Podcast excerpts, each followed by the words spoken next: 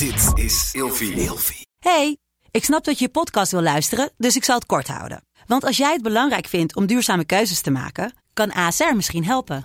Nou hoor ik je denken, hoe dan? Nou, bijvoorbeeld bij het duurzaam herstellen van schade. Of de premies die we beleggen volgens ons duurzaam beleggingsbeleid. Dat bepaalt waar we wel en juist niet in investeren. Wil je meer weten over welke duurzame keuzes ASR maakt? Ga dan naar asr.nl slash duurzame keuzes. ASR doet het. Zo, dan kan je nu lekker naar je podcast luisteren. Eh, voor mij was wel heel sterk, oké, als dit het is en ik moet dit gaan doen, en niemand moet, hè, vanuit Defensie moet dat niet, dat moest van mezelf, eh, ga ik dat doen. En dan gaat me vallen en opstaan. Alleen wat ik wel heel scherp heb, altijd gezegd, het maakt niet uit hoe hard je klappen krijgt, zolang jij een hartslag hebt kun je vechten en als jij opstaat, kun jij door. En ja, er is met vallen en opstaan. En zeker zo'n eh, proces. Want ik heb een jaar in revalidatie gezeten. En dan gaan ze het een beetje hebben. Oké, dus de eindsituatie. Ja, en nu?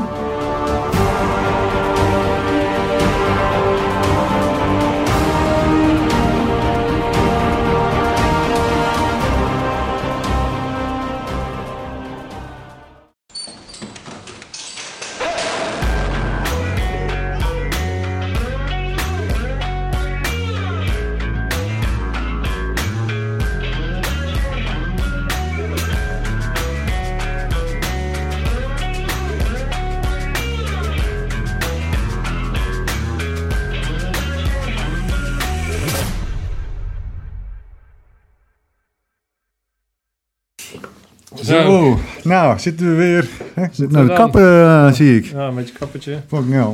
Dus kijk. Fucking hell, wat heb jij een mooi t-shirt aan, man. Ja, ik heb net gehoord dat het maroon red is. Maroon red. Maroon Ja, ja, fuck. Ja, ja, ja. Goeie zaak. Waar gaan we, wat, wat hebben we aan? Joepie. Zit Ja. tegenover ons. Boys. Godverdomme, wat heb je meegebracht voor ons? Ik heb eh, twee shirts van mijn eh krachtsportschool eh, meegenomen. Maroon Red, dat heeft te maken met mijn achtergrond. Ik heb eh, altijd binnen de luchtmobiele brigade gezeten. Door omstandigheden heb ik Defensie eh, verlaten. En eh, dit is een shirt wat we bij ons in de sportschool eh, aanbieden. We hebben nog een ander shirt. Defensie groen en Maroon Red. Nice. Dus je collectie bestaat uit Twee, twee, shirts. Twee t-shirts. twee shirts, ja. Gaat er nog meer worden? Ja, Oh, Ja. gelukkig, Ja. gelukkig.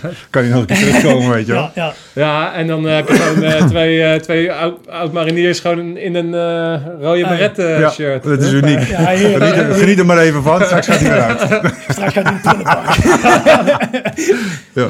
Ja, Beter gaat het niet worden. Nee, nee, maar, ja, we kunnen eigenlijk al stoppen, hè, want Ja. mijn dag is goed. Ja. Mooi.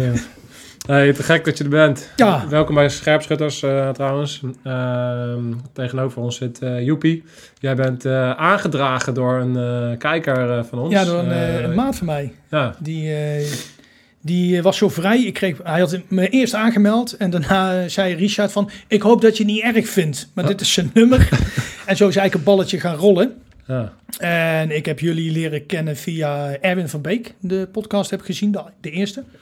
En via twee oud-collega's van mij, Rob en eh Patty Wal. Arminius. Van, van Arminius. Arminius, Ah, ah, ja, ja. Dus, Ja. Wij hebben ook in dezelfde eenheid gezeten. Rob is mijn oude plaatsvanger geweest, dus daar ken ik die boys van. Ja, En daar ken ik eigenlijk weer jullie van. ja. Dus eh, een klein wereldje dus. Het, is, eh, is een super klein De wereld. cirkel Ja. is weer rond. En wat ik daaraan, eh, wat ik daaraan mooi vind is, ehm, kijk, de, de, de pul aan mensen en de verhalen erachter, die is denk ik onuitputtelijk. Als je dan kijkt eh, naar Defensie en daar zitten hele mooie verhalen bij, er zitten hele heftige verhalen bij, van alles. En ehm, ja, ik was eigenlijk meteen ehm, geraakt door, jou, door jouw verhaal. Daar gaan we zo meteen ook eh, over hebben wat, Ja, eh, wat er allemaal eh, achter jouw schuil gaat en wat, wat je allemaal hebt meegemaakt de laatste jaren. Ehm, ja, dus ik, ik wil eerst even benadrukken hoe dapper ik vind dat je hier bent. En dat je, dat je je verhaal wilt doen. Ik weet ook dat je daar in principe niet op zit te wachten. Maar de enige reden dat jij hier wel zit, daar hebben we ook van tevoren over gehad, Ja. is puur om het feit dat je wel ziet van, ja, als ik mijn verhaal doe, krijg ik daar zoveel reacties op. Er zijn zoveel mensen die met dingen rondlopen. En daardoor kan ik toch laten zien eh, dat je altijd weer voorwaarts kan. eh, Ja, kan je kun- rollen. zolang je blij- een hartslag hebt kun je vechten, zeg ik altijd. ja, eh, eh, technisch gezien is dat zo. Ehm, en ja, dat is wel een van mijn lijfspreuken die ik eh, wel heb eh, aangemeten. Zolang je kan vechten, heb je, zolang je een hartslag hebt kun je knokken. Ja. En gewoon opstaan. Kijk, en iedereen heeft zijn rugzakje. Het maakt niet uit. Pak een normale burger op straat, heeft zijn rugzakje. Pak een gemiddelde pax, een beroepsonderofficier, officier. Maakt niet uit. Iedereen heeft zijn eigen rugzakje, eigen verhaal. Eh, En sommige zijn zichtbaar en sommige niet. Ja. En eh, die van mij is toevallig zichtbaar geworden. Eh, met name door een interview vanuit eh, Defensie.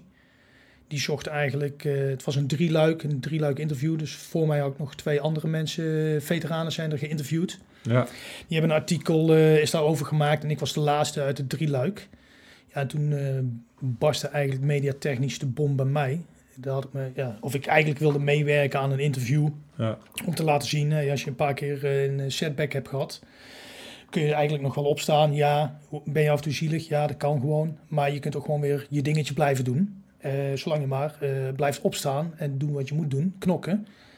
En zo is het eigenlijk dat balletje gaan rollen. En ik heb me eigenlijk ja, best wel vergist in de, de reacties die het losmaakte. Want daar had ik ja, totaal niet bij nagedacht van tevoren. Van, oh ja, dat is goed joh, ik eh, doe Ja. eh, dat interview boeien.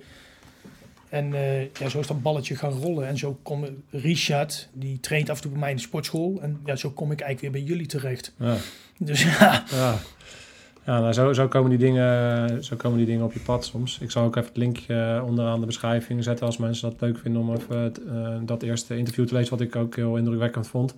Lees dat dan vooral. Ehm, Maar hoe, eh, eh, hoe kom jij in godsnaam bij, eh, bij Luchtmobiel terecht? ik laten, ben- we daar eens, laten we eens beginnen Nou, bij mijn, begin. mijn verhaal begint eigenlijk eh, toen ik geboren was. Dat is Oh, in ja, nou, dat is bij de meeste mensen zo. Ja, Ja, in 1975 ben ik in Den Bosch geboren. Ik ben de oudste van een gezin van eh, vijf. Dus ik heb nog vier broertjes, waarvan drie ook binnen Defensie eh, hebben gezeten. sowieso verwaarloosd dan, zeg ik altijd. Als Ja, er meer dan dus- drie kinderen zijn, dan ben je Kansloos. verwaarloosd. dus eh, vijf jongens, waarvan ik de oudste ben.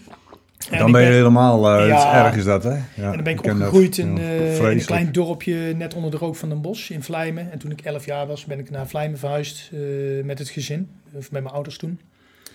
En wat mij op school altijd heel erg aangreep was, was de, de gevechtskracht. In ieder geval de, de Tweede Wereldoorlog, de slag om Arnhem. En ik was helemaal ja, van de para's. Hoe is mogelijk uit een vliegtuig springen, een stukje stof, landen en knokken. En toen moest ik afstuderen op school. Toen had ik een eh, eindwerkstuk gemaakt. En dat ging eh, met name over de slag om Arnhem. Eh, Op de lagere school. Nee, op de voortgezet onderwijs. Oké. Toen moest ik afstuderen op eh, MAVO. Nou, uiteindelijk eh, vond ik sporten toch ook wel leuk. En eh, MAVO niet gefixt. Alleen de, de leuke onderdelen. Maar was geschiedenis er één van.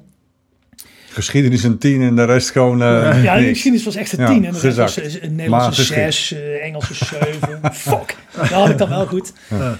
En zo ben ik eigenlijk met Defensie in aanraking gekomen. Mijn pa was eh, beroepsmilitair, mijn oom is beroepsmilitair geweest. Eh, mijn opa heeft in het verzet gezeten. Dus er zat altijd wel een, eh, een beroepslijn in de genen of in de, in de bloedlijn. En ja, ik had mijn MAVO niet afgemaakt. En ik dacht, oh, weet je wat? Ik ga wel even naar het KCT. Ja, dat doe ik even. Nou, toen moest je daar op de keuring voor dienstplicht. Want ik had studie niet afgemaakt, dus ik ging werken. Maar ja, ik was 18. Ja. En in mijn tijd moest je gewoon nog je nummertje doen. En dat was toen wel een beetje in 1994 het eh, omslagpunt van... nee, sommige lichtingen niet, sommige lichtingen wel. Nou, ik was gelukkig wel, in mijn case. En nou, toen moest ik eh, gekeurd worden. Nou, vlag en wimpel. Nou, wat wil je doen? Ja, doe maar KCT. Mooi verhaal, jongen, maar je hebt geen MAVO. Doei. Fuck. Eh, en nu? Eh, nou ja, voor SIOS had je ook MAVO D eh, had je nodig in die tijd. Eh zou naar Sittard gaan, werd hem ook niet. Nou, oké, 18 jaar. Eh, en nou? nou, dan doe maar eerst dienstplicht. Nou, dan doe maar de infanterie. Nou, dat is goed. Ik, eh, infanterie. Oh, nee, nee, nee. Je hebt ook een deel koksopleiding gehad, dus je gaat eh, in de keuken. Nou, weer teleurstelling, want ik wil eh, bij de infanterie. En uiteindelijk werd ik geplaatst dicht bij huis op de Willem II kazerne in een bos. Maar die ging sluiten, dus de dichtstbijzijnde was Vught toen. En er zat toen de pionierverkennersopleiding van Luchtmobiel. Luchtmobiel was net opgezet in 92. Ja. En in 94 kwamen daar, 93 kwamen daar de eerste lichtingen vanaf. En de pionierverkenners, dus die met springstof eh, verkenningsdingetjes deden, de eerste twee pakjes uit je gevechtsploeg, die eh, kwamen in Vught op. En ik stond daar in de keuken. Dus ik zag die rode beret. Ik dacht, hey, fuck, dat heb ik eerder gezien. En eh, zo is het balletje gaan rollen. Dus ik kwam met die jongens in aanraking, omdat ik hun eitjes bakte. Ik zei, dat wil ik ook. Ik, ik wil dat ook. Wat moet ik doen? Nou, ik naar mijn Jamioor request ingediend. Ja, je bent helemaal gek. Ja, dan maar gek. Maar ik wil dat. Ben ik in 95 ben ik eh, gekeurd voor luchtmobiel. Ben ik goed gekeurd. En ben ik ook gelijk eh, opgekomen. 95, 8. En eh, ja, ik ben eigenlijk van onderaf aan begonnen. Ja. Als dienstplichtig soldaat.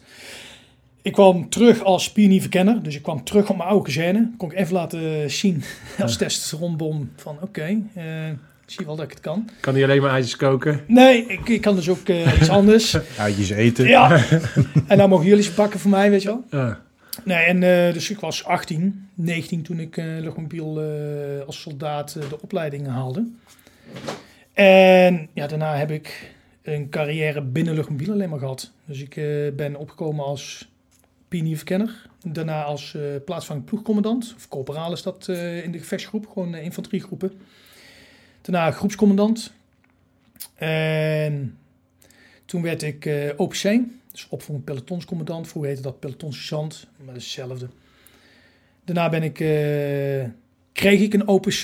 Toen moest ik eigenlijk weer als groepscommandant terug naar OPC. Ja, dat ging eigenlijk niet. Eh, ja, want ik vond overal iets van. Want ik had al OPC gedraaid. Toen ben ik als groepscommandant verkenningseenheid bij 13e gekomen. Daar kwam ik Rob weer tegen. Eh Patty eh, heeft daarbij gezeten. En zo kwam ik eigenlijk weer het oude netwerk tegen. En plaatsvangend eh ja, groepscommandant verkenners geweest. En toen terug, want ja, je moest natuurlijk een loopbaan hebben binnen de infanterie als onderofficier. Ik was eh, toen BBT'er. Ben ik heel even de dienst uit geweest, want ik leerde een vrouwtje kennen. En ik dacht nog, oh, dat is echt goed voor mijn gezin. Vader thuis en, nou, big mistake. In die zin, gewoon een leercurve. Ehm, waarom? Ik dacht dat het een eh, goed iets voor mij was om er te zijn voor je vrouw en je kids. En alleen, ik snapte helemaal niks meer van de burgermaatschappij. Ik ben 18 jaar, eh, was net van school. En ik was eh 26 of zo, of 30 zo'n beetje, toen ik Defensie ging verlaten. Ja, je kent gewoon heel de burgermaatschappij, ken je gewoon niet meer terug. Je, zit alleen maar in de gevechtscompieën. En dat heb ik drie jaar volgehouden. En toen heb ik gezegd, nee, dat trek ik niet. Ik moet echt terug. Ik denk dat dat beter is voor mij en mijn gezin. Want ik, wel, ik werd doodongelukkig Ja. thuis. Nou ja, dan eh, wordt thuis ook niet echt eh, gezellig. Dus ik weer terug. Maar ja, ik was drie jaar uit geweest. En ja, dan zitten toch- we in welk jaar? dat is geweest, ik denk 2000. Poeh, 7 of zo. 2007 of zo. Toen ben je weer teruggegaan. Ja, 2006, 2007, zo'n beetje. Oh, daar heb je nog best wel een tijd, zeg maar, eh, eh, eh, ben je dienend geweest toen je... Ja, dat ja, ja, ik heb was. eerst 12,5 Want jaar. daarna eh, begon, toen ik terugkwam, toen kwam natuurlijk het Afghanistan-tijdperk. Ja, ja. Dus toen ging ik terug. Nee, dat is ervoor geweest. Dat is ervoor geweest. Ik ben eh, de eerste lichting met verkenningspeloton in Kabul geweest. Dus dat is net ervoor geweest. Dat- Dat was eh 2002 Ah, is dat eh, geweest. En in 2005 of 6 pin me niet op de datum vast, boys. Maar zo'n beetje die Ja. tijd eh, ging ik terug. En toen ben ik eh, als inlichtingencel op de compie eh, begonnen. Dan kon ik er even indribbelen. Eh nou ja, dat, dat, dat vond ik dus helemaal niks. Ehm, en toen zou ik eigenlijk champion moeten worden. Maar ja, overal bezuinigen, ook bij ons. Eh, dus alles Jant eens nog een keer een stoel draaien. Ja, dan ga ik iets doen wat ik leuk vind. Want ik, ik ga niet eh, nog een stoel draaien, chant 1 en dan maar mijn eenzaamheid oplossen binnen de brigade. En toen kwam eh, het Pathfinder peloton binnen Luchtmobiel was een beetje in de opstart. En daar zaten ook een aantal lui eh, die ik kende. Igor de Vreters is daar één van. Kan kan je uitleggen wat het Pathfinders eh, is voor de mensen die dat niet Ja, weten? Pathfinder peloton is een, eh, een eenheid die aangestuurd wordt. die valt rechtstreeks onder de brigadecommandant, onder de generaal. En is eigenlijk een geüpgrade verkenningseenheid. Maar die met name gespecialiseerd is in landing sites voor DZ's, verkennen, bemannen, beveiligen, grond-luchtverkeer opzetten. Ja. En met name Rotary Wing, eh, net voor de grote eenheden gaan landen. eh, geschikte locaties zoeken. om ja, massa aan de grond te zetten, gewoon de gevechtskracht. Ja. Een klein beetje een soort SF, een gespecialiseerd clubje Ja, het is wel binnen gespecialiseerd. We zijn ge, het, Nee, geen... ik, ja, het is, ik snap dat het geen SF is, Ja. maar, maar voor de leek. Het is ja, een beetje een ja, ja, het zijn hele speciale specialistische lui. taken. Ja. Ja, ja, ja. Ja, onze ploeg bestond bijvoorbeeld uit zes man, commandant, eh, plaatsvervanger, een komspekker. Dus we, deden, we hadden wel linkjes met KCT, eh, waar je een deelopleiding deed. Of werkten nou samen eh, met Roosendaal. En heel veel eh, met de compieën. En die voorzag je van advies, bataljons. Als extra 3D-cel werd je erop geplakt. We hadden wat eh komspekkers erin zitten. Een sniper en spotter. Die waren twee verkenners. En je had twee SF-medics. En dat, dat, dat- zo zag je ploeg er een beetje uit. Ja. En daar ging je mee op pad. Dus dat was voor jou een mooie, mooie stap. Ja, en toen ben ik begonnen als... eh, dus ja, normaal is bij Defensie van je moet een eh, sollicitatie doen en je functiecodenummer. Alleen bij de Pathfinders is het gewoon een beetje een keuze van gewoon je zit toch met elkaar eh ja, 24/7 op de lip. Moet wel kloppen, zo'n team. Kwam ik eigenlijk binnen, op gesprek geweest en toen werd ik eh, aangenomen als eh plaatsvervangend ploegcommandant. En daarna ging mijn ploegcommandant ging verder en ben ik ploegcommandant eh, geworden. En zo ja, eindigde ook mijn laatste stoel. Mijn andere stoel zou zijn binnen de 11e als eh Heliops en daarna door naar Roosendaal. Alleen als zover is nooit gekomen. Dus dat is een beetje vanaf mijn geboorte, eh, mijn militaire loopbaan. Zoals In een die, eh, vogelvlucht.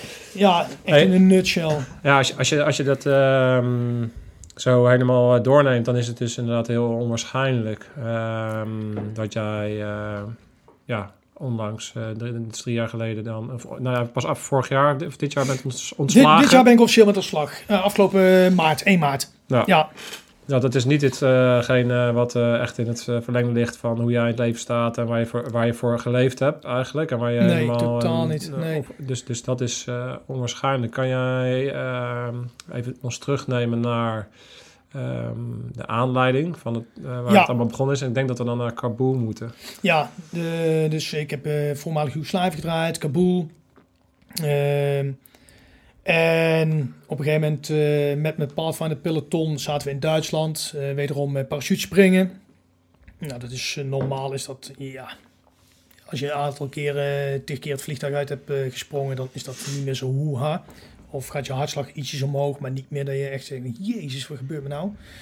Ehm, en ik kreeg een telefoontje van toen mijn vrouw, eh, dat is inmiddels ex, maar toen mijn vrouw, van hey, de oudste is niet lekker. Ik zit helemaal met de handen in het haar en, er is geen, en toen knakte er iets in mij. Ik zeg, kom eraan. Ja, maar dat gaat niet. Ja, moet je eens opletten. Eh, toen heb ik de auto gepakt, ongeoorloofd. En eh, toen ben ik naar huis gereden vanuit Duitsland in één ruk naar huis. En toen was ik bijna thuis, toen had ik honger. Dus eh, ik een sappie gepakt, Red Bull en een broodje. Zodat ik een beetje rustig thuis zou komen. Dat was het idee. En toen stond ik in de winkel. En het laatste wat ik me herinner is dat ik iemand... eh, ik was geïrriteerd geraakt. Het aanleiden weet ik niet meer. Dat ik iemand een nekklem had eh, gelegd. En eh, ja, die, die, die ging gewoon neer tegen het dek aan. En toen kwam ik eigenlijk een beetje bij doordat er een oud vrouwtje achter mij in de rij stond. Van ja, dit is niet normaal.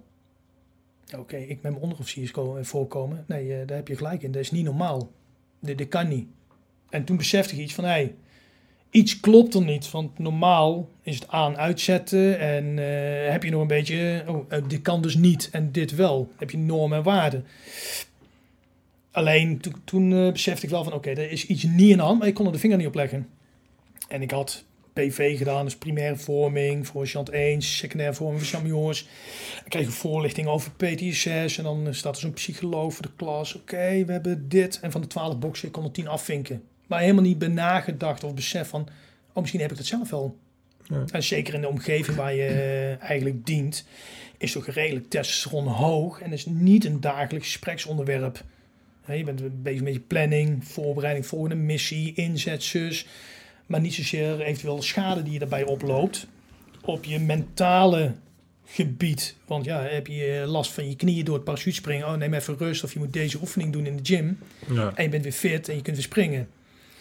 En ja, zo, zo kwam het eigenlijk eh, bij mij van oké, dit dit is niet goed. Wat heb je toen gedaan? Heb je toen, eh, heb je toen, eh, ben je toen ergens heen gegaan om hulp te vragen? het eerste wat ik gedaan heb was mijn commandant bellen.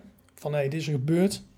Dus eh, ja, ik ben huis. Ongeoorloofd. Ik heb een voertuig van peloton mee. Dus de aanleiding. Maar dat is het goede nieuws eigenlijk. Maar het slechte nieuws is dat ik iemand hier even knockdown heb. Eh, ja, eh, met een takedown. eh, ja, die, die ging Ja. gewoon neer. Ja. Ik zeg, dat is slechte nieuws. Oké, nou, wordt er een aanklacht ingediend, ja of nee? Want dat, dat, dat gaat dan spelen. Ja, moet je voorkomen. Hey. En ik denk, kut, daar gaat mijn carrière. Nog helemaal niet beseffen dat het eigenlijk al over was. Voordat ik eigenlijk al eh, in de auto stapte. En dus commandant gebeld van, luister, dit is gebeurd. Als ik moet voorkomen, prima. Ik ben onderofficier. Prima, dan ga ik met de billen bloot. Ik ben verantwoordelijk voor mijn eigen daden. eh, of ik het nou leuk vind of niet. Maar dit is zoals ik ben. En eh, oké, dan eh, ga ik daar staan. Oké, ja, dat is niet zo mooi. Meld je eerst even ziek. Nou, twee, drie weken. Hey, wanneer kom je weer werken? Dat, zo gaat het een beetje in die eenheid. waar ik toen diende. Oké, ja, maar ik voel me eigenlijk toch helemaal niet zo lekker. Ik ben niet ziek of zo, maar ik voel... Ik ben heel snel geïrriteerd. Thuis, eh, ik word agressief naar mijn vrouw, naar mijn kids. Dit, dit is niet goed. Nou, toen heb ik eh, een gesprek gehad met een eh, MDD'er, dus Medische Dienst Defensie. Ja. Kun je eigenlijk de eerste stap zetten van, hey, op mentaal gebied van hey, ik zit gewoon niet lekker in mijn vel. I- iets. En dat was voor mij wel een dingetje. Ja, MD, MDD'er, hey gast. Ja. Ik ben een geoliede gevechtmachine. Ik ga niet lullen met een MDD'er. Je bent toch geen zieltje? Ja, ja. Ja, en de- Ja, de- maar dat, dat eh, is de eerste stap die eh, dan volgt. Ja, Ja. Toch, eh, toch doen. Oké. Nou, als ik jou zo hoor, lijkt erop dat je PT6 hebt. Ik. Hoezo? Ho- hoezo ik? Ik ben geoliede ventmachine, dat heb ik niet. Dus ontkennen, eerste fase. Ik wil second opinion. Daar geloof ik helemaal niks van, want als dat zo is, dan is het einde carrière voor mij. En dan, eh, ja, en dan? Ik adem defensie. Dit is wat ik doe. Mijn hele leven al. Ik ben nu 43. Ik heb meer dan 22 jaar gediend. Dat is meer dan de helft van mijn leven. Dus daar ging het bij mij niet in. Nou, Oké, second opinion. Utrecht, medisch centrum. eh, herkeuring. Nou, met vlag en wimpel, eh, meneer. Dat is niet goed. U heeft eh PT6. Dus ga maar naar huis. Ja, en dan? Ja, nou, u hoort het van ons. Nou, dan kun je een beetje op vrijwillige basis kiezen of je deel gaat nemen aan een reïntegratietraject of een genezingsproces. Eh, pff, eh, ja, eh, nou, bij mij was het zover. Op een gegeven moment werd ik agressief naar mijn vrouw, naar mijn kinderen, tot fysiek geweld. Ik denk, dat, dat gaat niet. Ik kan ook niet thuis zitten, want dat werkt niet. Ehm, ja, en op een gegeven moment, ja, toen komt het, oké, medicijnen. Ja, maar ik ga niet aan medicijnen, vriend. Ik snap dat je eiwitten pakt om een kastje te kweken, maar ik ga niet aan eh downers. Nou, dan zullen we het anders zeggen. Of je pakt nu je medicijnen of je slaat die even op. Ja, toen ging bij mij het licht uit. Ik denk, wat fuck joh. Dan, het enige wat ik dan nog heb is mijn gezin. Nou ja, daar was ik al niet eh, helemaal eh ver tegen. En dan zit je dadelijk in quarantaine. Nou, dat was het ook niet. Ik kan downers uiteindelijk toestemming gegeven. Oké, we gaan het geneesproces in. Voor mij was dat EMDR, sessie na sessie. Ja, en dan zie je eigenlijk, want je denkt dat je de enige bent. En dan kom je, ik moest toevallig in een bos dan zijn, omdat ik in een bos woonde. Ehm, kom je op zo'n eh, centrum, net achter het station. En dan doe je sessies. Ik was niet geschikt voor groepsessies, eh, dus was één op één. EMDR was dat voor mij. Ja, en dan zie je gewoon bekenden. Zie je, hey, wat doe jij hier? Ja, Afghanistan. Ja, Irak. En dan merk je eigenlijk dus dat er heel veel andere lui ook gewoon ergens last van hebben. Maar Ja. er wordt eigenlijk weinig over gesproken. Het is bijna niet zichtbaar binnen de, binnen de normale eenheden. Nee. Je hoort wel eens van, oh ja, maar die is de dienst uit. Of die, het is bijna niet zichtbaar. Nou, uiteindelijk heel jaar bezig geweest met eh, het revaliderenproces. Nou, uiteindelijk wordt er een, eh, ja, krijg je een herijking van, oké, wat is de daadwerkelijke schade? Want voor mij was het dat ik schade hield, was duidelijk. Alleen, eh, hoeveel schade zou dat dan zijn? Nou, uiteindelijk ben ik toch wel redelijk flink afgekeurd. Voor mij was het 100% afgekeurd defensie. En van de ene kant was dat een opluchting, want dan wist ik, ah, nou oké, dit is het dan. En van de andere kant, ja oké, dan, dan zeg je wel even Thijs, ja en nu dan? Want het hele systeem van jou, glansrijke carrière, is klaar nu. Je kunt maar één ding, dit is wat je doet. Je kunt niet bij de Albert Heijn leiding geven. Dan roepen ze wel, ja, maar je hebt een leidinggevende functie. Ja, in de praktijk, in theorie is dat een mooi verhaal, ja. Maar ik gebruik Albert Heijn ook vaak, eh Joepie. Die vent die lult nog meer dan Erwin van Beek, man. Motherfuck, is die tussen te komen. Ja, Sorry, geef hem geen biertje, want... eh, ehm, ja, ik, ik gebruik Albert Heijn ook vaak en dan eh tikt uh, Mark, maar er is ook helemaal niks mis met Albert Heijn. Weet je wel. Nee, Nee, maar ik, ik wil even een paar dingetjes terugpakken, want je Ja. geeft echt heel veel informatie. En Ja. eh, eh, ik vind het heel, ik, het is indrukwekkend. Ehm, waar ik zelf nieuwsgierig naar ben, zijn een aantal zaken. Eén, ik ben heel benieuwd of jij voor jezelf inzichtelijk hebt hoe PTSS bij jou is ontstaan.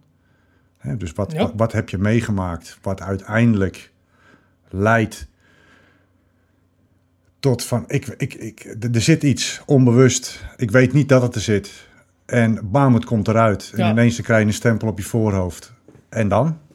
En dan kom je erachter van, nou, het, is, het komt ergens vandaan. Ja. Daar ben ik benieuwd naar. En waar ik benieuwd naar ben, is, is er, zou er een mogelijkheid kunnen zijn, of is er volgens jou een mogelijkheid, om op een andere manier binnen Defensie met zaken om te gaan, om PTSS of de kans op PTSS te verkleinen? Maar laten we bij die eerste beginnen. Nou, voor mij, ik denk om de eerste vraag eh inzichtelijk te maken of te beantwoorden, ik denk dat het voor mij tweeledig is geweest. Ik denk dat het gewoon een emmertje is wat langzaam vol is eh, gaan lopen. Met werkdruk, overbelasting eh, binnen Defensie. Er wordt steeds meer bezuinigd, in mijn tijd ook. Belasting was hoog, zeker in mijn laatste functie. Van de 52 weken was je toch 42 ongeveer van huis eh, in die eenheid. Eh, fysiek, mentaal, eh, zwaar werk. Het was niet voor niks dat er eerst sergeant stoelen waren. En ja, er was gewoon weinig sergeant-major wat die functie kon dragen. Dus waren toen sergeant eens met ervaring. Die sergeant-major rabel waren. Waren toen ploegcommandant. Dus die hebben ze down, gedownscaled. En in ieder geval dus dat er meer aanbod was. Ehm, en ik denk dat een, eh, ja, het verlies van mijn dochtertje, dat, eh, dat hakt er ook wel in. En dat drukt me denk ik nog redelijk eh, soepel uit. Heeft zeker een bijdrage geleverd aan alle klappen die je voorheen al hebt gekregen. Dus vader gescheiden. daarna is jouw vader voorbeeld defensie. Kom erachter dat hij homofiel is. Dan denk je, jezus Chris, wat de fuck moet ik allemaal erbij pakken? Dus ik heb geen contact meer met mijn vader. Ja, sommige dingen lopen zoals ze zijn. Eh, nou, geweld, of bijna fysiek geweld naar mijn gezin toe. Ik had toen, eh Kiet was de oudste, eigenlijk de tweede. Eh Chrisje is mijn dochter geweest. En die hebben we verloren met eh, 38 eh, weken. Ehm, dus mijn vrouw werd op een gegeven moment uh, me, ja, ik voel Chrisje niet meer. Ontspannen, morgen gaan we naar het ziekenhuis. Doen we de echo en is Chrisje groot genoeg of is de bekken groot genoeg, dan word je ingeleid, gaan we bevallen. Niet zo raar doen. En uh, toen kwamen we daar ochtends, uh, moesten we naar het ziekenhuis in Den Bosch. En nou, dan krijg je gewoon, uh, hartslag wordt inzichtelijk gemaakt. De bloeddruk van je vrouw, alles wordt gecontroleerd. En ja, je hebt al vaker zo'n controle gehad natuurlijk, want je bent aan het einde van je zwangerschap. Dus we gaan met dat apparaat van die echo erop, om die hartslag te checken. Ja, en je ziet gewoon op dat apparaat, uh, zie je gewoon eigenlijk, uh, daar waar ze het apparaat op zetten, op die buik, zie je daar eigenlijk geen weerstand meer op zitten, op je kind. Denk, wat fuck joh. En normaal hoor je gelijk, hoor je gelijk die hartslag. Oh ja, de hartslag is wel uh, moeilijk te vinden.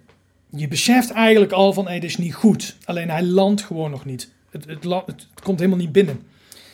Tot het moment, ik ga even een collega halen. Nou, dan wordt er een ervaren zuster of uh, echoscoop uh, specialist wordt erbij gehaald. Nou, ik heb slecht nieuws. Nou, ga maar even zitten. Nou, je zit dan al. Oh, je weet wat er gaat komen. Alleen dan wordt het even gezegd van, nou, uw kind is overleden. Ja, dat stort heel je wereld in. Je, je hoort dat niet. Volgens mij hebben jullie zelf ook kids. Ja, denk gewoon... Uh, ja, nee, dit is, dit is niet voor te stellen. Dat gun je je ergste vijand niet. Ja. Ja, en dan stort je wereld in. Ja, en dan is de vraag van, ja, je kunt ook naar huis gaan als je wilt. Ja, ik heb geen huis. Ik ben niet in staat om te rijden. Ik, eh, we blijven wel in het ziekenhuis. Nou, je vrouw zie je in elkaar storten, spugen. Jezelf uh, ziet je te huilen, want je weet gewoon, oké, dit is het. Dus ja, je wordt vader, maar je weet gewoon, oké, die, die tijd als vader, dus jouw verantwoordelijkheid is heel kort. Daar moet je alles in doen. Je hebt verantwoordelijkheid als vader. Dat betekent ook, in die korte tijd moet je alles regelen. Aangifte Oh, nee. van je kind, geboorte. Want het is levensvatbaar geweest. Tevens gelijk overlijden. Wil je begraven of wil jij eh, cremeren?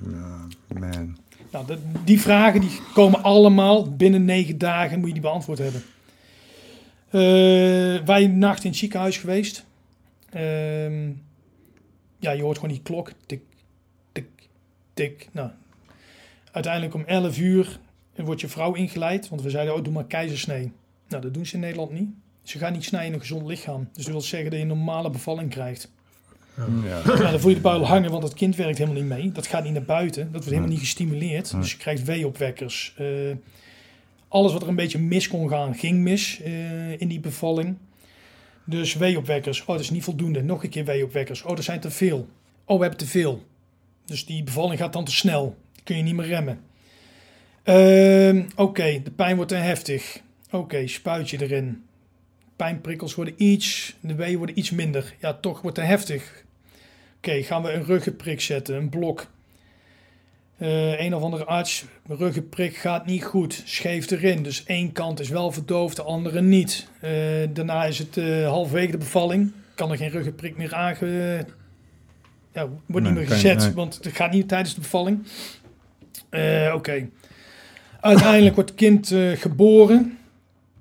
Ehm mijn vrouw heeft een natuurlijke reactie van nee, ik wil het niet vasthouden. Ja, dat is gewoon natuur, dat is heel primair, maar ja, dat, dat, dat werkt bij mensen ook zo. Eh, en ik wilde dat wel als eh, vader. Want ik had negen maanden moeten wachten. Ik had niks gevoeld. Ja, af en toe een keer met je hand op die buik. Maar dat was voor mij het eerste moment dat ik mijn dochter een keer vast kon houden. Ja, en dan voel je eh, de warmte van je dochter.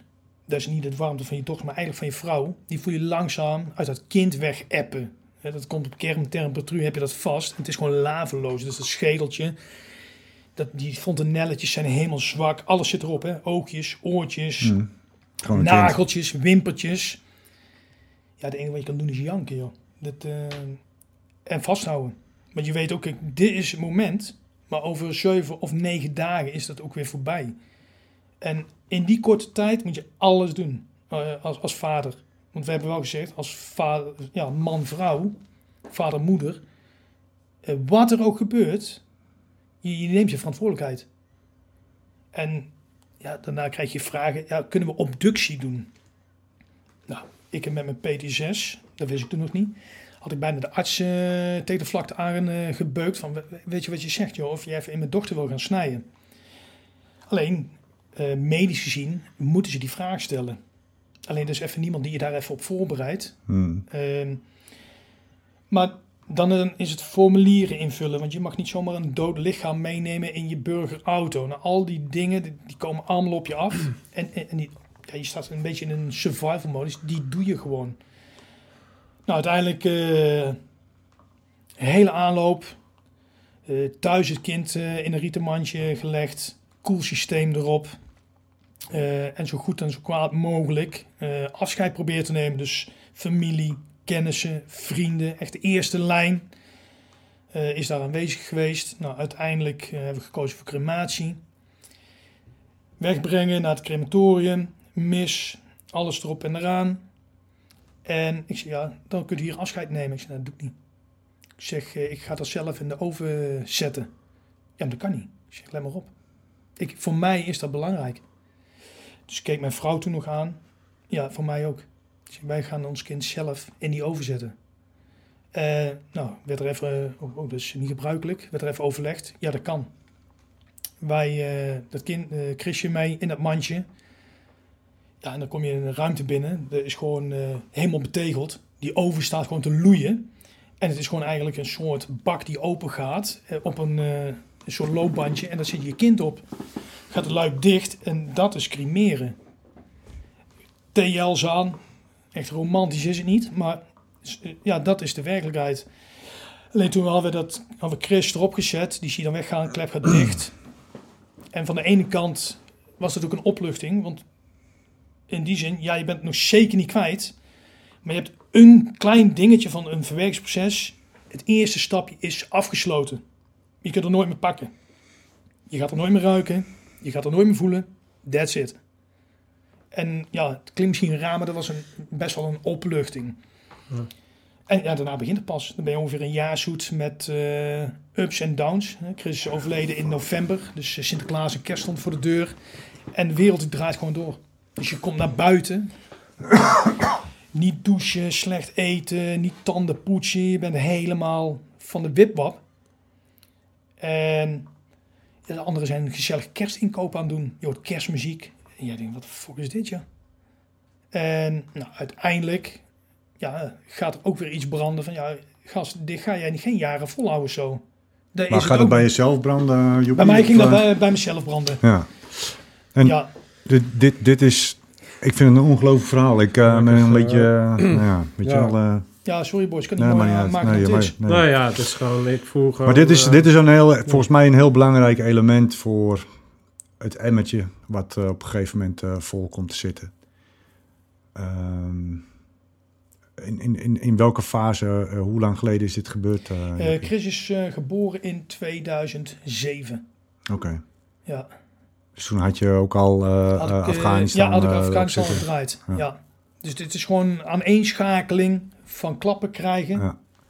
En ben jij daarna hè, nog op missies geweest? Ja, Want, want ik had volgens Nee. mij, ehm, jij schreef in dat artikel ook dat Kabul een aanleiding was geweest. Eh, Ja. Kan je daar iets over vertellen? Ja, het was eigenlijk eh, peanuts. Ik had er nooit verwacht. Er is geen vuurcontact geweest, want daar ben je op getraind, kun je je ding doen. Eh, toen ze daarna in het zuiden van Afghanistan de missies gingen draaien, hadden ze een eh, veel duidelijker eh, rules of engagement. Kon je Ja. ook echt aangrijpen. Ja. En wij kregen toen in die tijd, deden we heel veel Sorry. zaken met, met de, de Britten. Deden we informatie voorzien met onze verkenningseenheid. Eh, zaken inzichtelijk brengen, routes. eh, al die eh shizzle brachten we in kaart. Want we waren de eerste lichting die daar eh, meegingen. Eh, toen onder leiding van de Duitsers. Die deden weer eerst grootschalige inzet naar ja, Kosovo was dat volgens mij toen. Ja. Waar de Duitsers eh, aanwezig zijn geweest. En nu was dat voor hun Afghanistan. En wij gingen daar met een hele kleine eenheid eh, in mee. En ergens in Kabul, rotonnetje links, eh, city center. Rijden we, eh, stuiten we op een post. Overal op de heuvel, machinegeweren, voertuigen. En we rijden zo fuik in. En we staan stil. Nou, wachtwoord. Wachtwoord niet goed. Dus die lui helemaal over de flits. En lui heel... Ja, normaal op een post. Je geeft je wachtwoord, rijdt door. Of je rijdt blackout. Heb je night vision op. En je, voordat je die post bent al voorbij. Voordat hun in de gaten hebben dat je eigenlijk al eh, er doorheen bent. En ja, de, de- die situatie escaleerde dusdanig dat op een gegeven Maar moment... dit was ANA. Ja. Ja. Oké. Afghaanse National Ja. Ja. En toen was het ook vrij allemaal eh, onoverzichtelijk. Je, want onduister duister wie want wat. die, en, die- eh, je moet je voorstellen, in die tijd, die Jenken waren net... Kabul hebben ze helemaal plat gebombardeerd, waren net weg. Dus er ontstaat dan een uh, max-vacuüm. En Poppy, mannetje A was daar. Testosteron, Talib was hier. Ana was daar. Maar ja, voor hetzelfde geld, oh, hier kan ik meer geld verdienen. Dus die... ja, uniformen waren allemaal niet Nee, nee, nee, en, eh, En eh, er was mannetjes van 12 tot 16, tot ervaren veteranen die gewoon geknokt hadden in Mujahideen, eh, ja, zat allemaal daar nog. En in die tijd moesten heel veel Door- gevechtseenheden Kabul verlaten. Dat is een beetje die tijd is dat geweest. Ja. Maar wij reden die fuik in. En met hoeveel mensen ben je dan? Met ik had twee, voer, twee we waren met voertuigen? twee voertuigen. Ja, dus eh, drie met zes man. Ja. En voorste voertuig en wij achtste voertuig, eh, voertuig. eh, Ik zat in het achtste voertuig afgedekt. Reed in burgerblikjes. Nee, eh, de 5KN. Oké. Dus de afgekapt. We hadden toen helemaal geen panzer. De enige panzer die we bij ons hadden waren vest. Dus eh scherp vest en ja, de Kevlar deken. Daar moesten we mee doen. dus dat, dat was onze safety. Ehm, geen zware wapens. MAG was ons zwaarste wapen op dat moment. Ja. Ehm, en dat was het. En we rijden fuik binnen en het escaleert. En het liefst ga je helemaal los, want daar ben je voor getraind. Ja. Alleen onze rules of engagement gaf aan, nee, je kunt niet zomaar losgaan. En het werd van kwaad tot erger, dus dat geweldspectrum ging best wel hoog, zonder je hebt geen- enig vuurcontact. Je hebt geen tolk bij je natuurlijk? Of wel? eh, nee, we hadden toen geen tolk. dat, dat maakt het heel erg moeilijk. Dus er wordt heel lastig communiceren. En nou, de emotie liep gewoon heel hoog op. En uiteindelijk sta je gewoon met wapens tegenover elkaar. En ik zat in het achtste voertuig en we hadden een intercommetje, dus headsetjes in. En oké, oké, wat gaan we doen? Want dit, dit eh, gaan we, anders gaan we de nacht niet eh, halen. Oké, eerste voertuig eh, is afgeschreven. Dus wat wij doen met het tweede voertuig, mochten losgaan. We gooien alles open wat we hebben en we, gaan voorwaarts. Want achterwaarts blijven we in die killzone hangen.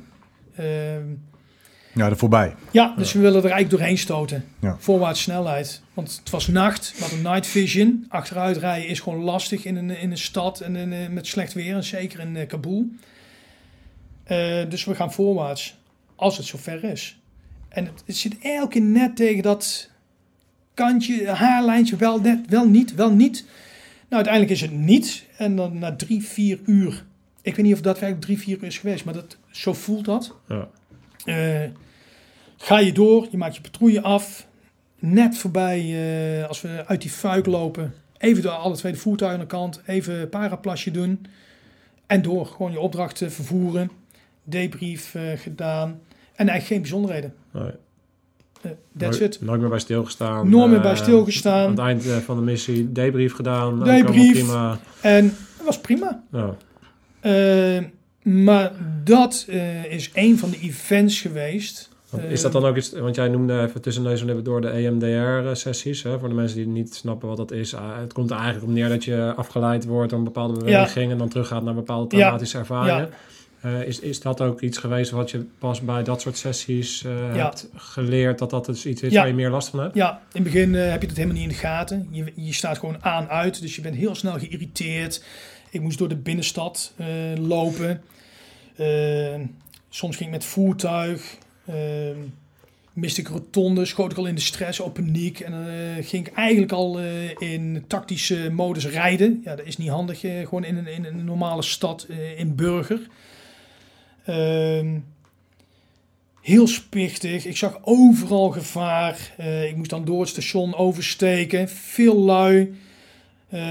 Ja, je, je loopt gewoon heel ongelukkig en heel erg op je tenen. Je bent eh, heel zenuwachtig, alsof er elk moment eh, een, een, een, eh, contact gaat komen met, met de vijand. Ja, dat is er niet, maar zo loop jij daar. Dus je staat gewoon in standje aan en dat gaat niet uit. Ook alweer, dat, de, schakelaar die, die werkt bij mij niet toen. Nee. En tijdens die EMDR, want ik kon me de vinger niet opleggen, ja, wat is dat dan? Was een van de punten die naar voren kwam, wa- was dit verhaal. Ja. Eh, dus zo weet ik dat ook. Dus waar mijn irritatie toen vandaan kwam. En het is eigenlijk de onmacht. Want je wil eigenlijk knokken, maar het kan niet. En ja, dat is, was voor mij dus heel frustrerend. En ja, daar sta je nooit bij stil. En, eh, Maar als je kijkt naar de oplossing eh, in Kabul, hè, is dat een, een oplossing geweest die heel bewust door de interactie is ingezet? Of is het, is het eigenlijk puur geluk geweest? ehm, ik denk dat we best wel geluk hebben gehad. Als jouw rules of engagement anders waren geweest, had het dan ook anders afgelopen? Ja, dat is eh, gissen natuurlijk. Maar ik denk ehm, voor, voor een gevechtseenheid. ehm, als je je dingetje daadwerkelijk kan doen. Dat wil niet zeggen dat je dan minder schade zou oplopen, mentaal of fysiek. Alleen je hebt de handvatten vanuit defensie of eigenlijk politiek-strategisch niveau om te handelen. En die had je toen niet. Dus je staat er eigenlijk met de handrem erop. Dus je wil gas geven, maar je staat eigenlijk nog gewoon op de handrem. Ja, want jij vraagt dat omdat er vaak een bepaalde eh, maat van eh, machteloosheid eh, gebonden Ja, het is is. de, onmacht. Dus je wil handelen, maar door je rules of engagement, dus je bent helemaal ook in je opleiding, in je voortraject geprogrammeerd om te knokken. Ja. Ja. En dan En uiteindelijk. nou sta je daar. ja, en dan kom je en met dan elkaar tot je- de conclusie dat het meer geluk dan wijsheid was. Ja, ja, En dat is eh Ja. het ja, dat is kut. Ja. Ja, Hoe, hoe, ehm, als, je, als we even eh, voorwaarts gaan eh, naar, de, naar het moment van dat je dus eh, in behandeling komt. Hè? En ehm, je dus al die gebeurtenissen, alles, die hele opeenstapeling van eh, Ja. zaken waar, waar we het net allemaal over hebben gehad. Maar ehm, ja, dan heb je eigenlijk een bak stront. Eh, ik zou niet weten hoe ik het anders moet... eh, moet- ja, je hebt Ja, eigenlijk de rugzak is aardig gevuld, ja. ja, dus Ja. weet je, en, en daar, daar, moet je, daar moet je dan eh, naartoe. Naar die, Ja. naar die pijn, naar die momenten, Ja. naar, naar alles. Kan je, kan- hoe, hoe, hoe is dat proces? Ja, dat is kut. Ik heb altijd gezegd, ik heb twee keuzes. Of bij Defensie blijven en het gewoon ontkennen. En er zijn gewoon mensen die ook gewoon een vorm van PT6 hebben. Of gewoon PT6 hebben en die werken ook nog steeds bij Defensie. Ehm, alleen voor mij was heel duidelijk, oké, ik ben onderofficier, ik ben opgeleid. Ik ben niet zomaar een pax. Ik, ik wil nog steeds gewoon kunnen denken. En ik ben verantwoordelijk voor mijn eigen doen en laten. En als dat betekent dat het einde carrière is en het nodig is om te herstellen, eh, dan neem ik die beslissing. Wat de uitkomst ook zal zijn. De uitkomst is voor mij vond ik echt niet leuk. Dat is einde carrière, dat doe ik liefste. Ehm, ja, dus ja, dat is wel, als ze gaan vroeten in het verleden, dat is gewoon kut. Dat is alsof ze met een fileermes op een zenuw zitten en dan nog eens even lekker gaan vroeten. En dan komen bepaalde emoties komen op. Voor mij was dat agressie. Eh, maar omdat je aan de medicijnen hangt, zijn die, eh, ja, noemen ze dat, die, die pijnprikkels, die, die worden iets genuanceerder. Omdat je eigenlijk gewoon als een amulapa hang je aan het infuus. Eh, Ja. En zijn die scherpe kantjes eruit. En daarom kun, daarom kun je die therapie ook volgen. Al- Anders niet. Anders eh, pak je de eerste beste psycholoog die draai je nek om. Dan draai je, dan draai je was hard de sessie? Ik weet niet. ik was Kost zo- een paar psychologen, Ja. maar eh, hij is beter hoor. Ja, ik was zo klaar. Ja. Hij doet het trouwens niet meer. Nee. Maar ja, dat, dat is niet leuk. Nee. Alleen voor mij had ik wel heel, heel sterk. eh, ja, ik had een kind verloren. En Kiet, dat is, eh, die wordt in mei wordt die, eh, tien, was toen de oudste. Heb ik nog steeds de zorg voor als vader. Ja. Je bent verantwoordelijk voor je, A, als vent voor een vrouw, als vader voor een gezin en voor jezelf. Je bent niet alleen een poppetje. En zeker niet als je kids hebt. Dus die drang had ik al heel sterk. Van ja, ik, ik kan het niet doen. Ik kan lekker mijn dingetje blijven doen. Ik ben goed eh, bij de fansje. Wat ik doe. Alleen je, je doet wat je altijd hebt gedaan. Je nam verantwoordelijkheid. Ja, Ja. en wat de uitkomst ook zal zijn. Eh, voor mij was wel heel sterk. Oké, als dit het is en ik moet dit gaan doen. En niemand moet, hè, vanuit fans, je moet dat niet. Dat moest van mezelf. eh, ga ik dat doen. En dan gaat me vallen en opstaan. Alleen wat ik wel heel scherp heb, altijd gezegd. Het maakt niet uit hoe hard je klappen krijgt. Zolang jij een hartslag hebt, kun je vechten. En als jij opstaat, kun jij door. En ja, er is met vallen en opstaan. En zeker zo'n eh, proces. Want ik heb een jaar in revalidatie gezeten. En dan gaan ze het een beetje hebben. Oké, dus de eindsituatie. Ja, en nu? Maar wat, maar wat, wat- kijk, ten eerste natuurlijk alle, alle respect. En dan, dat is ook de manier waarop je daar natuurlijk mee omgaat. Waarop je natuurlijk altijd met dingen bent omgegaan. Maar in deze fase, waar die dingen dus eigenlijk een soort van ja, eh, backfire op een bepaalde manier. Dus bam, je krijgt in één keer. eh, Ja. dan, dan zul je toch ook diep moeten graven. In de zin van, het draait dan niet meer alleen maar om het knokken. En in ieder geval op een ander front. Want jij zult Ja. naar binnen moeten keren. Je moet, je moet eigenlijk. Ja, Ja, je- ja, ja, je Ja, maar, dat is ook, empathische kant. dat, maar dat is ook een vorm van knokken. Ik denk dat ja, maar, maar, knokken niet ook letterlijk moet nemen. Nee, Nou, maar nee, hoe, hoe, nee. maar nee. hoe ben jij, hoe ben jij, met, met, met, hoe ben jij daarmee omgegaan? Met, met, met, met, eh, met dat deel? Dus eigenlijk het, het, het eh, ja, Ja, je- noem het meer soft of de, de, die, Ja, die je, kant je waar leert je... gewoon heel veel over jezelf kennen. Kijk, ik kom natuurlijk, ben opgegroeid in een eenheid. Ja, wat testosteron, dus je bij de marens, bij de gevechtscompie ook gewoon hebben. Eh, ik zei al, boefjes vang je met boefjes. Je gaat niet met een, eh, een, een lieve jongen, ga je de, de, een deuk Nee. een pakje boter slaan als je op missie bent. Dat doe je met een, bepaald type. Nou, dus dat ken je en daar ben je goed in. Maar, Ja. maar nu heb je een andere skill nodig. eh, heb je een heel andere skill nodig. En moet je gewoon eigenlijk gewoon in de spiegel durven kijken. En dan zit je met name op je emotionele vlak. eh, het softe, zoals je dat zegt. Kom je, of je dat nou leuk vindt of niet, ga jij tegenkomen. En als je gewoon eerlijk bent naar jezelf, moet jij daar iets mee gaan doen. Ja. Je, je moet daar iets mee Je kunt het ontkennen, dat kan. Maar daar ga je niet beter van worden. En voor mij, als dat op je pad komt, is dat geen reden om dat... Oké, dan ga ik hier maar linksaf, de makkelijkste route. Nee, jij neemt dat, dat komt op jouw pad. En je bent een, een vent. En dan ga je daar mee handballen. Ja. En niemand heeft daar een handleiding of een IK voor van oké, dan moet je deze stapjes doen. Nee, want dat is voor iedereen verschillend. Dat, heb, heb je heel erg het gevoel gehad dat je daarin eh, alleen stond? Ja, zo'n Eh, gevecht, voor mijn gevoel, eh, met name het softe gebeuren, is een- ja, een uh, Einzelkamp gevecht. Het is echt... eh, Nou, ik vind het, het softe. eh, het- het- ik snap, ik snap waar het vandaan. Nee, maar weet je, Nee, je maar- komt uit een harde wereld, hoop testosteron en eh, Ja. die willen maar poetsen en gaan Ja. en knokken, Ja. bla bla bla bla. Ehm, ja, je leert gewoon Maar- heel veel over jezelf kennen in een andere situatie. ja, en, en, en dan kom ik terug op mijn tweede vraag. Ja, Wat zou, wat, wat had jou geholpen in het hele proces, in jouw hele ontwikkeling binnen de luchtmobiele brigade, tot aan het einde van jouw carrière, om dit soort zaken beter te kunnen pareren? En dan bedoel ik niet eh, eh, het overlijden van je dochtertje, nee, nee, nee. maar alles wat je beroepstechnisch eh, ontmoet. Ja, ik denk dat er, ik weet niet hoe dat nu zit. Ik ben natuurlijk drie jaar, eh, heb ik geen groen pak aangehad. Maar in mijn tijd, eh, daar kan ik wel over lullen. Behalve de t-shirts. Ja. je draagt je eigen t-shirts wel, hè? Ja, natuurlijk. natuurlijk. nee, maar ik denk eh, in het indicatiesysteem als iemand schade heeft opgelopen tussen de oren. Kijk, fysiek is het heel makkelijk. Hè? Je gaat naar Doren, oh, je hebt een voet eraf. Oké, dit is je herstelperiode. We gaan je voet aanmeten. Je komt in een revalidatieproces en je kunt Ja. weer aan de slag. Ja. Alleen voor eh, het mentale gebied, eh, als ik kijk over mij, wij werden gedebriefd eh, in het missiegebied. Ja, ik stond nog gewoon op aan. Dus er komt er zo'n, in mijn geval was dat een dame die ingevlogen werd, die af moest studeren op psychologie, of die komt dan in de, de kielzorg van een eh debriefer, psycholoog gaat die mee. Ja. En dan is het gewoon een nummertje, oké, jij bent aan de beurt en je krijgt je debrief en het is gewoon een standaard vragenlijst. Eh, voelt u dit? Nee. Heeft u moeite met dat? Nee. Hoe voelt u nou? Hoera, voel ik me. In het misgebied, je staat gewoon op aan. Oké, maar dat is, dat is duidelijk. De- Dat is dus duidelijk een foute manier om dat ik, denk op dat niet, moment. ik denk dat het niet het juiste moment is. Nee, maar, Eh, maar als je ehm, ehm, waar ik naartoe wil en en en we waren het eh, net, net met, Mhm. want we zitten altijd even met een bakje koffie even een beetje te kletsen van eh, elkaar wat eh, leren kennen.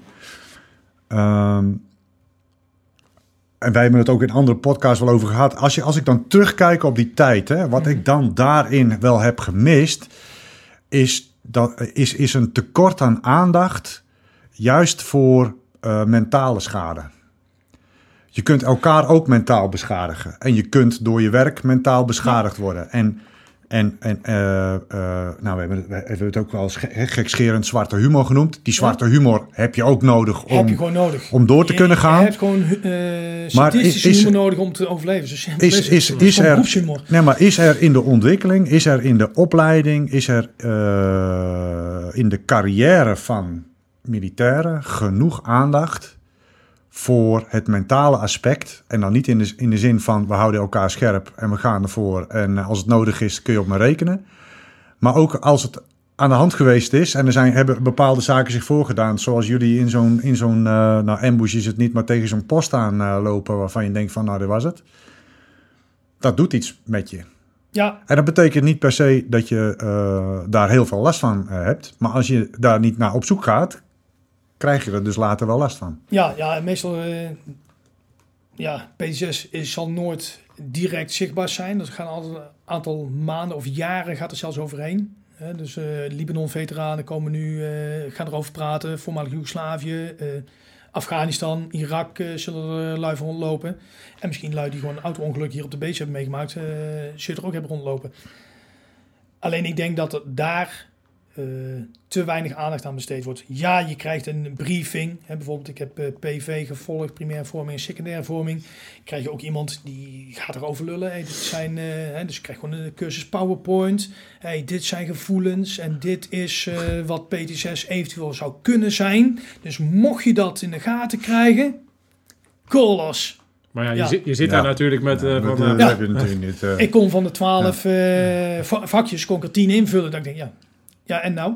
krijg je een ballon. je- Ja. Wel? Krijg je een sticker en dan ga je door. Ha- Hadden jullie bij, eh, bij de mariniers hebben ze het CKN, eh, CKM-netwerk opgezet. Dus dat is collega, collegiaal, ik Ja. weet even niet wat de afkorting meer is. Maar dat is eigenlijk het eh, soort van, in plaats van dus wat je, wat jij vertelt over die, die, dat 18-jarige meisje wat komt, hebben ze wel geïdentificeerd van het werkt beter als jij gewoon hier een beetje de eerste, de eerste contact is, is je buddy met wie je hebt gezeten en je Ja. eenheid en je, com- en je commandant en je, en, en je andere, en andere teamleaders.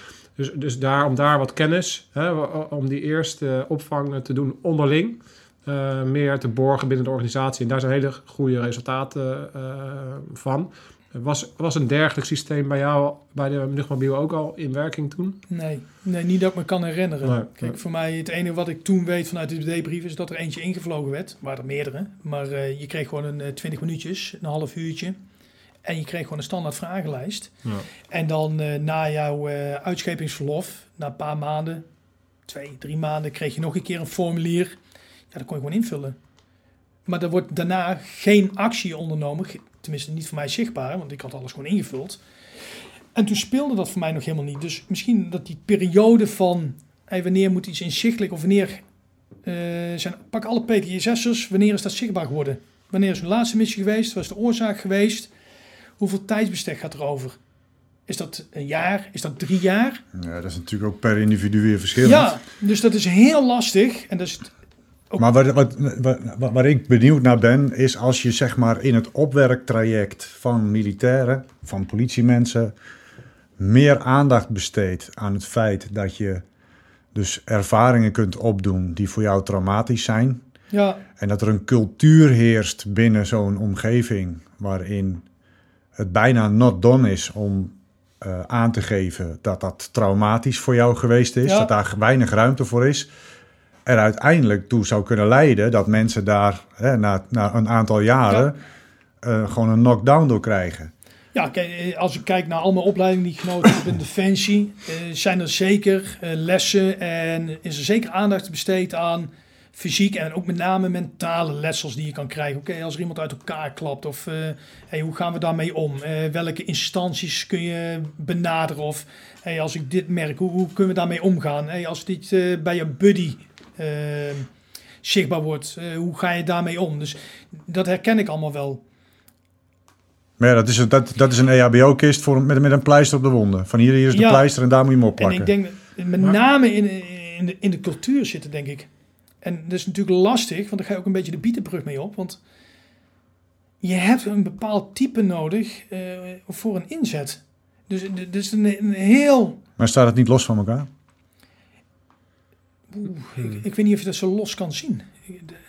Ik- voor mij staat Ja, niet je zo los. van een- het type man wat Ja. eh, dus, dus eh, ja, die is dus eigenlijk eh, in deze situatie niet eh, equipped, eh, toegerust om daar goed mee om te gaan. Omdat dat gewoon, Nee. hoe we met elkaar omgaan, is gewoon niet dat we over gevoelens lullen en eh, over rij. eh, Nee, maar ik zeg ook niet dat je continu met een doos tissues moet rondlopen. maar, hoe- ja, hoe- maar hoe dan wel? Wat, wat bedoel je dan? Nou, ik denk als je... eh, eh, eh, stel nou dat een, een pelotonscommandant... of je ploegcommandant Mhm. in, in die situatie die jullie hebben meegemaakt in Kabul... wetenschap heeft van het feit dat dit... en het kan en misschien als hij zichzelf als voorbeeld stelt...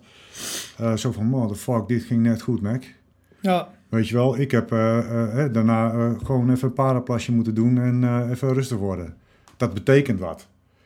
Al was dat uitgelopen in een gevechtscontact, wat jullie misschien wel heerlijk gevonden hadden, bij wijze van spreken, Ja, omdat dat je dan ik. gewoon je ding had kunnen doen. ja. Maar, dit- maar dit- Maar dat geldt niet voor iedereen. dus dat is een Nee. beetje het, dat, En dat die, is, netwerk. is die ruimte er dan? Dus dat, dat wat, wat bij de mariniers hebben gedaan, ik denk dat het eh, Defensie breed inmiddels is. Eh, maar dus dat collegiaal opvangsysteem, Ja, dat, dat is een soort systeem waarvan je, waar je het dan over hebt. Want dat het dus meer dat je on the meer- job ruimte is. Meer kennis op bepaalde. Dat hoeft niet iedereen te hebben. nee, want, nee. want die lessen, daar ben ik het ook wel mee eens. Ik heb, er is best wel veel aandacht Ja, geweest ja. in, eh, in eh, missies, na. Ja, Zo op zich aandacht. is er wel. Maar ik denk dat daar dus eh, door op sleutelposities binnen eenheden mensen te zetten die veel meer kennis hebben.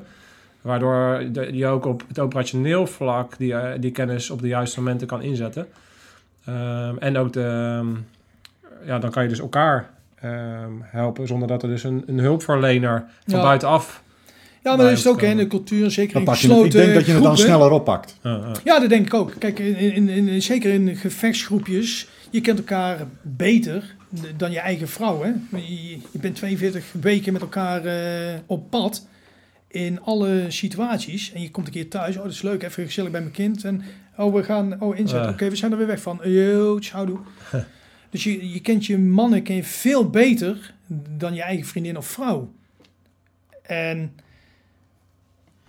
ja, Ja. Ja, me- Hey. me- mentaal gezien. lichamelijk... eh, nee, nee, nee. nee, oké, nee, ik pas, pas, dat- dat- dat- duidelijk. pas. Hey, Ja, hey, en nu, eh, jij bent dus eh eervol ontslagen, dus je bent Ja. je eigen pad opgegaan. En nu Ja. moet je alles ehm, alleen doen. Hoe gaat dat? Ja, in het begin gaat dat eh, lastig. Kijk, Je bent natuurlijk gewend volgens bepaalde procedures te werken, volgens systemen.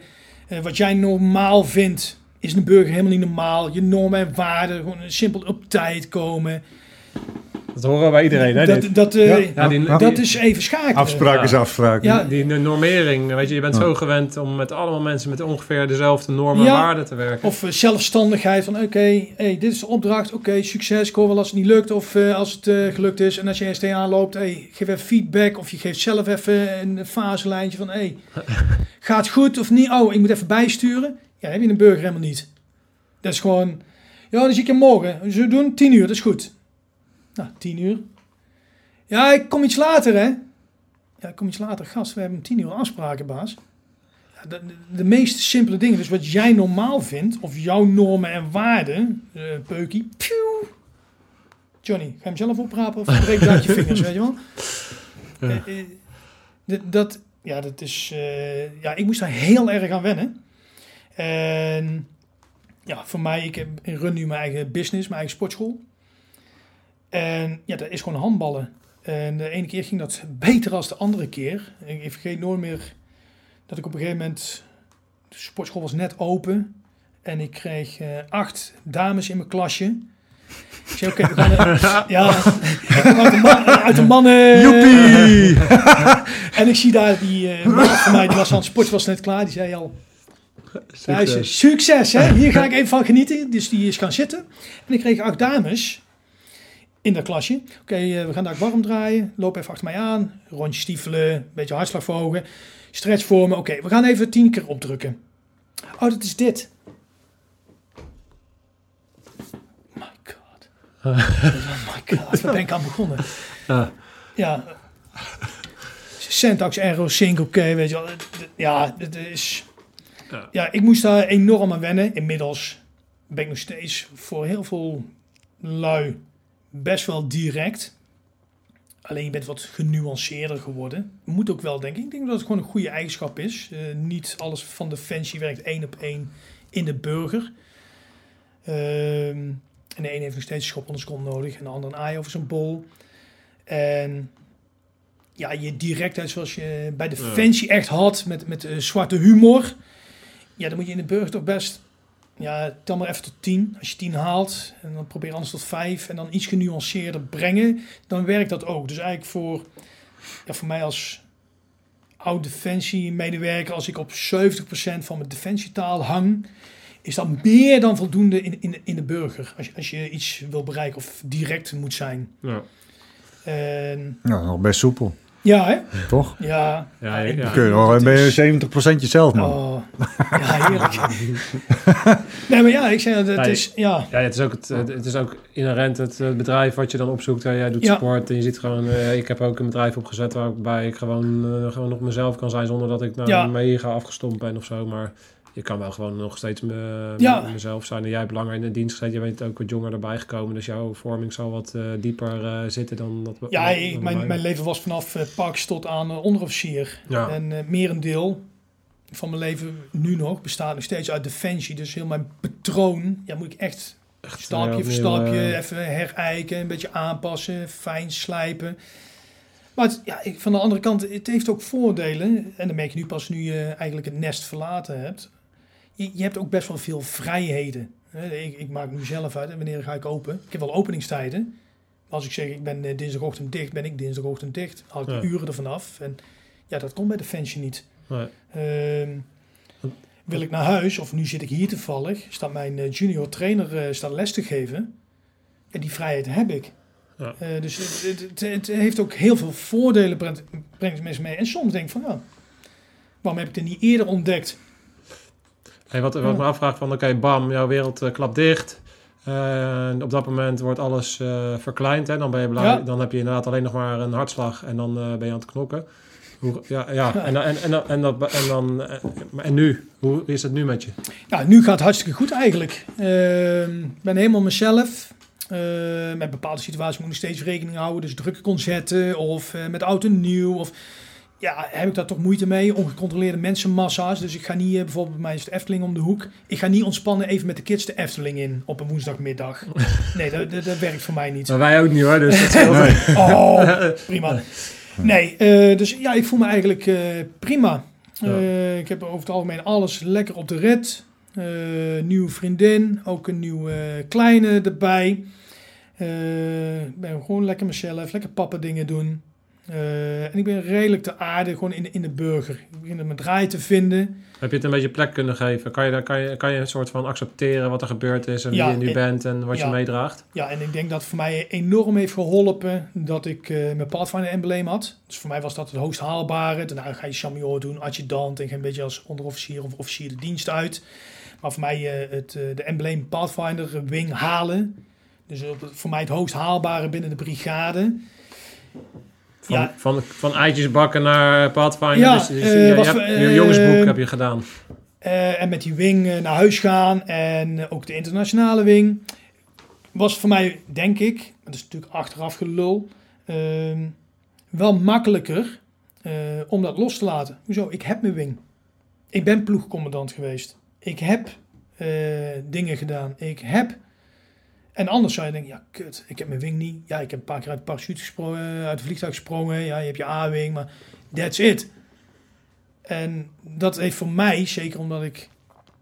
Ja, ik zou eigenlijk helemaal niet de burger ingaan. Voor Nee. mij was eh, Defensie was mijn eindstation. Ehm, kon ik het wel voor mij persoonlijk makkelijker loslaten. Van oké, eh, prima. Eh, ik, ik Ja. heb gedaan wat ik wilde doen. Hele mooie tijd gehad. Veel geleerd. Bedtime, eh, ja.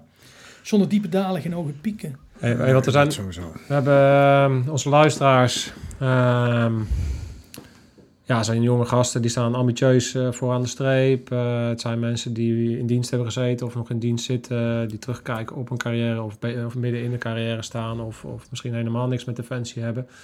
Eh, maar iedereen eh, die heeft zijn eigen uitdagingen. En Ja. heeft zijn eigen eh, dingen. Wat, wat, wat zou jij nou iedereen die er naar luistert en die zichzelf wel eens... eh, ja, die tegen moeilijke dingen aanloopt of zo. Wat zou jij willen zeggen? Ja. En dan gewoon 100% joepie, niet zeker. Ja, ik denk dat je gewoon, eh, ja, gewoon in de spiegel moet durven kijken. Van, kijk, voor- iedereen gaat er anders mee om. Maar durf in de spiegel te kijken en eerlijk te zijn naar jezelf. En als jij iets wil, kan dat gewoon. Er is niemand die zegt dat gaat niet. Of oh ja, nou, je bent zielig. Of je staat gewoon op.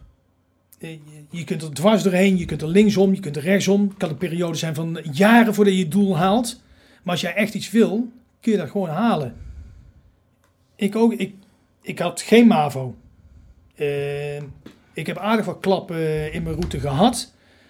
En ik word toch onderofficier, want toen had je ook MAVO nodig voor onderofficier. Ik ben met eh ander verworpen of eerder verworpen competenties ben ik op de KMS beland. Dus er zijn gewoon mogelijkheden. En ik denk zeker voor jonge lui die met tegenslag of denken dat ze tegenslag hebben. En voor de ene is dat het pot pindakaas leeg of internet valt uit, dus tegenslag. En voor de andere kant eh, ja, is de berg wat hoger. Ja, begin gewoon met één pasje te maken. Eh, andere pasje. Uiteindelijk sta je op die berg of begin met één steentje te verplaatsen. Uiteindelijk heb je een hele berg verplaatst. Maar je blijft knokken. Het maakt niet uit wat. En als jij iets, een doel hebt, ja, dan, dan als je eh, heel diep verlangen hebt, dan, dan ga je dat aantikken. Heel veel lui hebben bijvoorbeeld een doel. Ja, ik wil, eh, ik noem maar iets, naar luchtmobiel. En dan gaan ze de opleiding in en dan is twee nachtjes niet slapen. Oh, misschien vind ik dat toch niet zo leuk. Dan is jouw verlangen of jouw wil is niet diep genoeg. En ja, dat kun je alleen maar leren door A, als je iets wil, gewoon te doen. En niet denken, oh, had ik maar achteraf. Dat is bullshit. Als jij iets wil, ga je dat doen. Hmm, ja. En Ja, en Dat zit, ja. Dat Ja. dat komt, komt vaker eh, terug eh, in onze Ja. podcast. Hey, en, en wat, is, wat, is jouw, ehm, wat is jouw nieuwe stip aan de horizon? Mijn nieuwe stip aan de horizon. De, de, de speel, nou, misschien hebben jullie wel de primeur. Is dat ik eigenlijk bezig ben achter het scherm met een tweede zaak. Eh, ik heb natuurlijk een hele hoop dingen goed gedaan met mijn eh, business. En ik heb ook een hele hoop mooie dingen door enthousiasme gewoon eh verneukt. En ik wil eigenlijk eh, de Dutch Barber Club 2.0 versie gaan opstarten. En dus eh, dat is mijn stip. Eh, ik moet eerlijk zeggen, ja, lesgeven vind ik leuk. Eh, trainingen verzorgen vind ik leuk in de sportschool zelf. Maar tijdens het proces van, ik had 0 euro, echt werkelijk 0 euro, want niemand had verwacht dat ik thuis kwam te zitten. eh, heb ik een eh, zaak opgestart die nu eh, winst draait. En ik vind het leuker om de reis te maken of te bouwen aan. Dus echt het ondernemen dan in plaats van daadwerkelijk je les staan te geven. Vind ik ook wel leuk. Voor twee dagen, drie dagen max. Dus mijn eh, stip aan de horizon is een Ja, ja. tweede zaak Speer- opstarten. Speerpunt van de operatie, hè? Ja, Ja, veiligstellen en daarna... Pathfinder. het is, ja. het is eh, consolideren hè, om vervolgens weer voorwaarts te gaan. Ja. Ehm, Herkenbaar. En ja, dan neem ik in ieder geval alle punten, want ik zie het niet als falen. eh dat zijn gewoon leerpunten. Ja. Die neem je mee en dan ga je de verbeterde versie. Dus ik wil eigenlijk met, ik ben begonnen met 50.000 euro op de, met twee andere investeerders. Die zijn afbetaald, eh tokens 100% van mij. Ik wil kijken of dit concept in een iets ander jas kan eh, gieten. Maar dan voor de helft van de prijs. Waarom heb ik sneller terugverdiend? Eh, en ja, dat is uiteindelijk van business. Ja. Eh, en dat is mijn doel. Dus met een kleiner budget, sneller terugverdienen en een verbeterde versie neerzetten. Dus dat is business-wise eh, stip aan de horizon. En, heb- en persoonlijk? Persoonlijk gewoon lekker tijd besteden aan mijn gezin. Ik heb dat jarenlang voor, voor mijzelf. Heb ik, eh, het is niet voor niks mijn ex-vrouw en eh, boys. Eh, zorg je ook voor je gezin, maar dat is op een ander, ander, ander niveau, andere missie zit je. Dus je brengt geld binnen. Je zorgt als je thuis bent voor de kids. Maar ik was natuurlijk vaker niet dan wel thuis. En ik merk nu met Dean, de jongste, mijn nu vriendin, wat papaschap echt inhoudt. Ik ben dagelijks thuis. Als die kleine keer ziek is, staat mijn vriendin er niet alleen voor. Dus dat is voor persoonlijk is dat een, eh, ja, een- echt een verrijking. Kijk, Dat wil niet zeggen dat ik de andere twee kids minder eh, van hou. Nee. Alleen dus Je betrokkenheid is minder. dat, dat is heel Anders. anders. heel anders. Eh, Ja. Ik heb bijvoorbeeld de oudste niet eh, de eerste stapjes zien maken. Ik heb hem niet eh, de eerste woordjes horen zeggen. Ik kwam een keer van het vliegtuig af en wie is dat? Ja, dat is papa. Eh, oké. Ja, maar eh, eh, jij bent voor je zoon weer hem omarmen en dan dus afkeer. Ja, dat is nou niet. Weet je wel, nou komt die kleine naar je toe. Papa!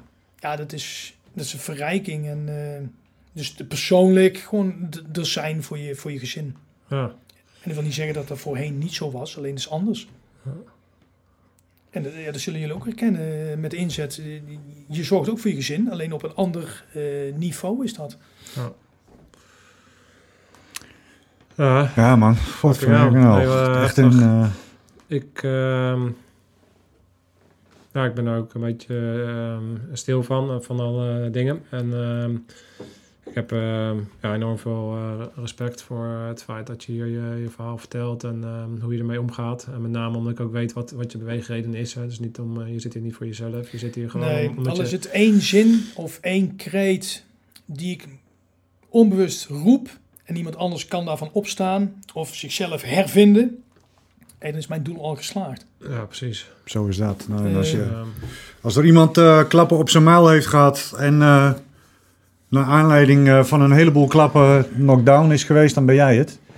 Ja, En, eh, eh, en, en ondanks dat eh, ben je weer opgestaan en heb je een nieuwe stip aan de horizon. Ja, maar ik denk dat het ook wel belangrijk is. Kijk, eh, ik, ik, ik, zoek geen zelfmedelijden. Natuurlijk mag je zielig een keer zijn of een keer huilen of in een hoekje zitten, whatever. Maar er is meer dan dat.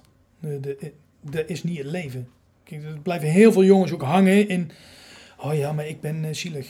Ja, dat mag ook een keer. Maar er is geen reden om daarin te blijven hangen. Je kunt klappen krijgen, maar uiteindelijk gaat het leven gewoon door. De wereld blijft gewoon draaien. De volgende dag wordt het gewoon weer zes uur. De zon komt ook gewoon weer op. Dat gaat gewoon door. Lekker, Ja. lekker afgestomd en de volgende dag wordt het gewoon weer zes uur. Ja, Ja, heerlijk. ja. Nou ja, ehm, ja, ik wens je ehm, ehm, het beste toe. Ja, En veel geluk. En veel geluk met je gezin en met je, met je business en je nieuwe leven. En Ja. nou ja, ik weet zeker dat, je, dat het helemaal goed komt en eh, goed is. Met de manier waarop je in het leven staat. En ehm, ja, Ja, jullie bedankt voor het platform. En hopen dat we een aantal mensen in ieder geval eh, hebben kunnen laten zien. Dus dat het eh, Ik eventjes is. eh, goed in beeld brengen. Kijk eens, hier mensen. Juist. Bam. Hoe heet dat rood nou ook alweer? Maroon. Oh ja, maroon. Ja, ik heb ja dus Korsakoff. Korsakoff. Ik eh, drink te veel bier in me. Hm? Hey live, ik zet een linkje ehm, onderaan. Zorg dat je eh, Joepie, deze, deze held, dat je deze kerel gaat volgen. En ehm, hij maakt ook een mooie vlog. Die nog veel te weinig bekeken wordt, wat mij betreft. Dus zorg dat je daar ehm, eh, op abonneert. En dat je, ja, dat je gaat kijken. Eh daar kan je ook van leren. En, eh, Ja, of niet. hè? nee, als je, als je, of misschien niet. Maar als je er niks van leert, leer je er ook weer wat van. Ja. Toch? Ja. Dat is ook een leermoment. Want ik heb er niks van geleerd. Eh, Mooi zo. Joepie, bedankt. hey boys, dankjewel. Bedankt jongen. Scherpzetters. Uit. Uit.